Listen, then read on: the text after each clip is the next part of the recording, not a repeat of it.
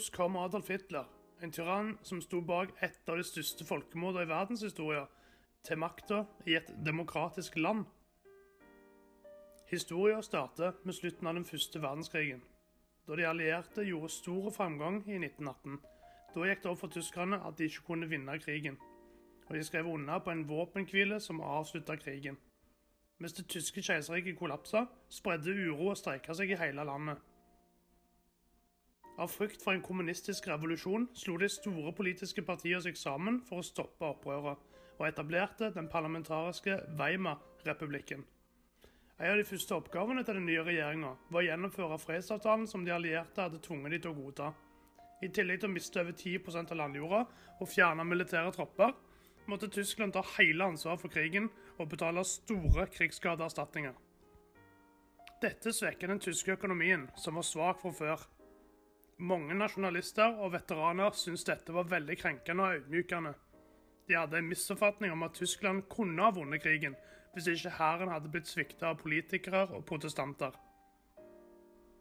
Hitler ble besett av disse tankene, og fordommene og vrangsynet hans førte til at han la hele skylda på jødene. I et samfunn med mange jødehatere fikk synspunktet hans stor støtte. På denne tida hadde hundretusenvis av jøder blitt integrert i det tyske samfunnet. Men mange tyskere fortsetter å se på dem som fremmede. Jødene var vellykka forretningsfolk, og etter den første verdenskrigen fikk de falske skyldninger om korrupsjon og krigsprofittering. Det er viktig å understreke at disse konspirasjonsteoriene ble født av frykt, sinne og fordommer, ikke fakta. Likevel ble Hitler populær med disse teoriene. Da han ble medlem av et lite nasjonalistisk politisk parti, tok de manipulerende offentlige talene han til topps i partiet, og han fikk et stadig større publikum. Ved å kombinere jødehat med populistisk bitterhet kritiserte nazistene både kommunismen og kapitalismen som internasjonale jødiske konspirasjoner som skulle ødelegge Tyskland. Nazistpartiet var ikke populært i starten. Etter et mislykka forsøk på å ta makta for regjeringa på ulovlig vis, ble partiet bannlyst, og Hitler ble fengsla for forræderi. Men etter han ble satt fri ca. et år senere, begynte han straks å gjenopprette partiet. I 1929 ble Tyskland rammet av børskrakk i USA. Amerikanske banker trekte tilbake pengene som de hadde lånt ut til Tyskland, og den tyske økonomien, som allerede var svak, brøt sammen over natta. Hitler utnytta sinnet til det tyske folket, ga de passende syndebukker og lova å gjenreise Tyskland sin tidligere ære og makt. De vanlige politiske partiene greide ikke å håndtere den økonomiske krisa, Derfor strømte noen av de frustrerte innbyggerne til nazistene. Og økte stemmene deres i parlamentet fra under 3% til over 18% på bare to år.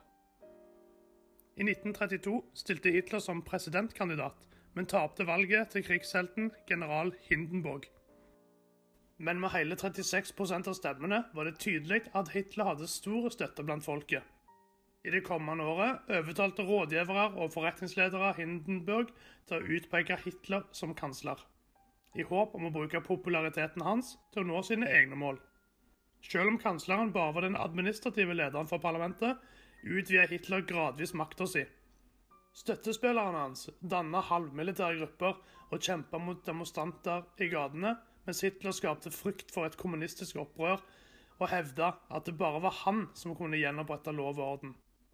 I 1933 ble en ung arbeider dømt for å sette fyr på riksdagsbygningen. Hitler utnytta hendelsen til å overbevise regjeringa om å innføre nødlover og gi Hitler utvida makt. og I løpet av et par måneder ble ytringsfridommen avskaffa. Andre parti ble oppløste, og det ble innført antijødiske lover. Mange av Hitlers tidligere ekstreme støttespillere ble arresterte og henretta sammen med mulige motstandere. Og Da rikspresident Hindenburg døde i august 1934, var det klart at det ikke ville bli et nytt presidentvalg. Urovekkende nok var ikke Hitler sine tidligere tiltak avhengig av masseundertrykking.